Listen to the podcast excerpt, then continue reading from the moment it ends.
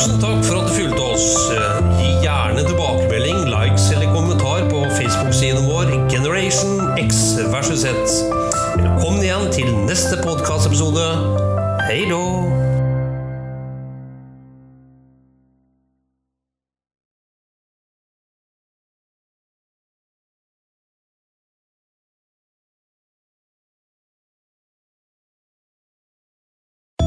Generation X versus Z.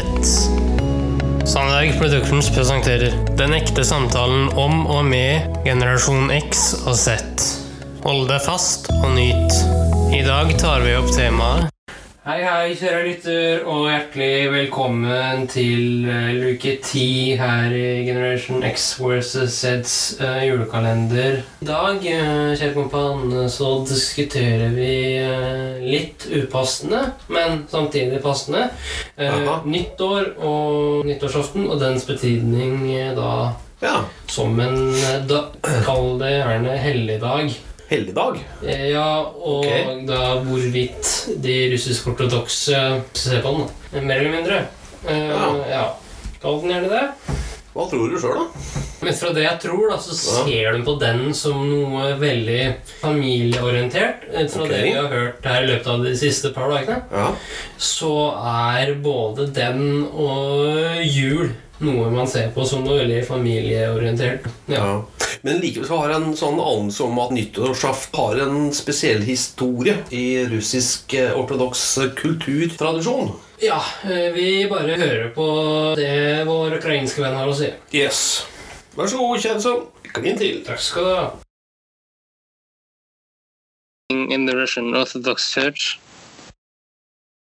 Yeah, this is one I believe you asked already, is that it's not really taken as a holiday in the church. So the big the big holidays, religious holiday for the church are Christmas and Easter. So New Year it's a it's like a public holiday. But there was according to the um, earlier calendar that was changed many, many, many years ago. Uh, there was another calendar, and then we used to celebrate New Year on the 14th of January. So it was uh, two weeks after the current New Year. Uh, that, so the 13th of January was the New Year Eve. The 14th of January was like the 1st of January. But then the calendar was changed by one of the Tsar. I think it was Nikolai, if I'm not mistaken. And then it was like a little bit of changing the dates. So now we are celebrating New Year first and then Christmas. Before it was first Christmas, as it's in the Catholic Church, then New Year. Now it's New Year and then it's Christmas because of the change in the calendar. One star changes the calendar.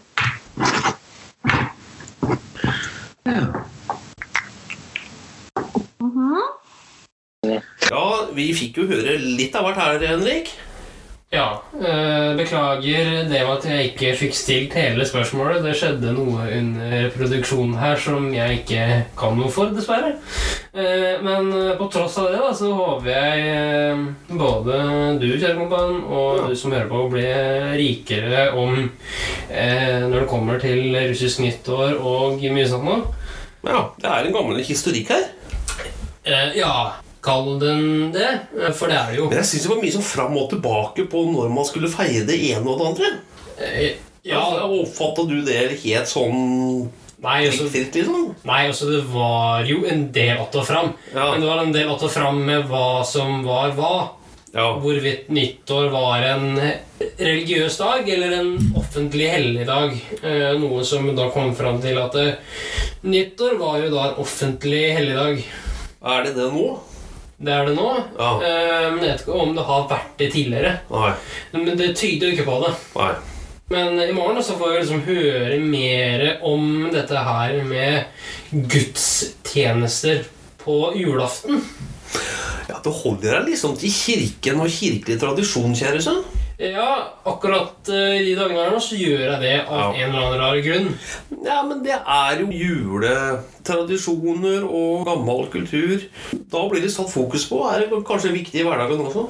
Ja, og for mange så er jo jula da et lite avbrekk fra hverdagen. Ja. Godt sagt. Eh, meg inkludert. Ja. Eh, For meg personlig så er den da et avbrekk. For jeg jobber ikke, jeg er ikke på skolen i jula. Jeg, jeg gjør ikke de pliktene som samfunnet setter til meg eh, i jula. Jeg personlig bare koser meg og sånne ting. Jo, men jeg tror ikke det er dumt, det. Nei, og folk sier jo alltid jeg 'spis med medhold, drikk med medhold'. Men jeg har ikke så veldig tro på det i jula, i hvert fall. Jaha. Eh, Men jeg personlig har ikke så veldig tro på det når det kommer til det med jul og mye sånt, for det er veldig mye fet mat. Ja. Veldig mye sukker. Det er Ja. ja. Og av den grunn da, så skal jeg liksom kose meg når jeg sitter der og spiser og drikker. Ja. Eh, ikke alkohol nødvendigvis, eh, men eh, bare drikker sånne ting som f.eks. brus, Mm. eh, saft, Mm. den type ting. da. Og eh, ja Nå tar det helt av her, Henrik, men eh, du vet jo at nå i eh, julaften, tidlig på julaften, så vet du at din pappa med stor, stor sannsynlighet kommer til å bli skikkelig kvalm. Ja, og til de lytterne her, da, så er det av et ventemål vi inngikk i januar 2019. Eh, og nå sitter vi her i desember 2019. 11-12 måneder senere. Han skal da fullbyrde det veddemålet. Han skal knekke det ved å spise masse sjokolade. Ja, egentlig at eh, jeg har ikke da spist sjokolade på 11 måneder. Nei, og eh, jeg gleder meg til å se deg eh, da på julaften. Mhm. Og spørsmålet er jo da om vi kan dra ut. Dra ut Ja, dra ut. Eh, på restaurant, eller? Nei, bare om vi kan dra ut av leilighetene. Ja. Det blir jo et spørsmål av eh, de filosofiske varianter. Men eh, det får vi bare se når den tid kommer. Det gjør vi. Vi gleder oss til neste uke, Henrik. Vi gjør det. Ha det godt så lenge, kjære sønn. Hei då. Hei da. Ja, nå tok vi liksom helt av. Ja, fy faen.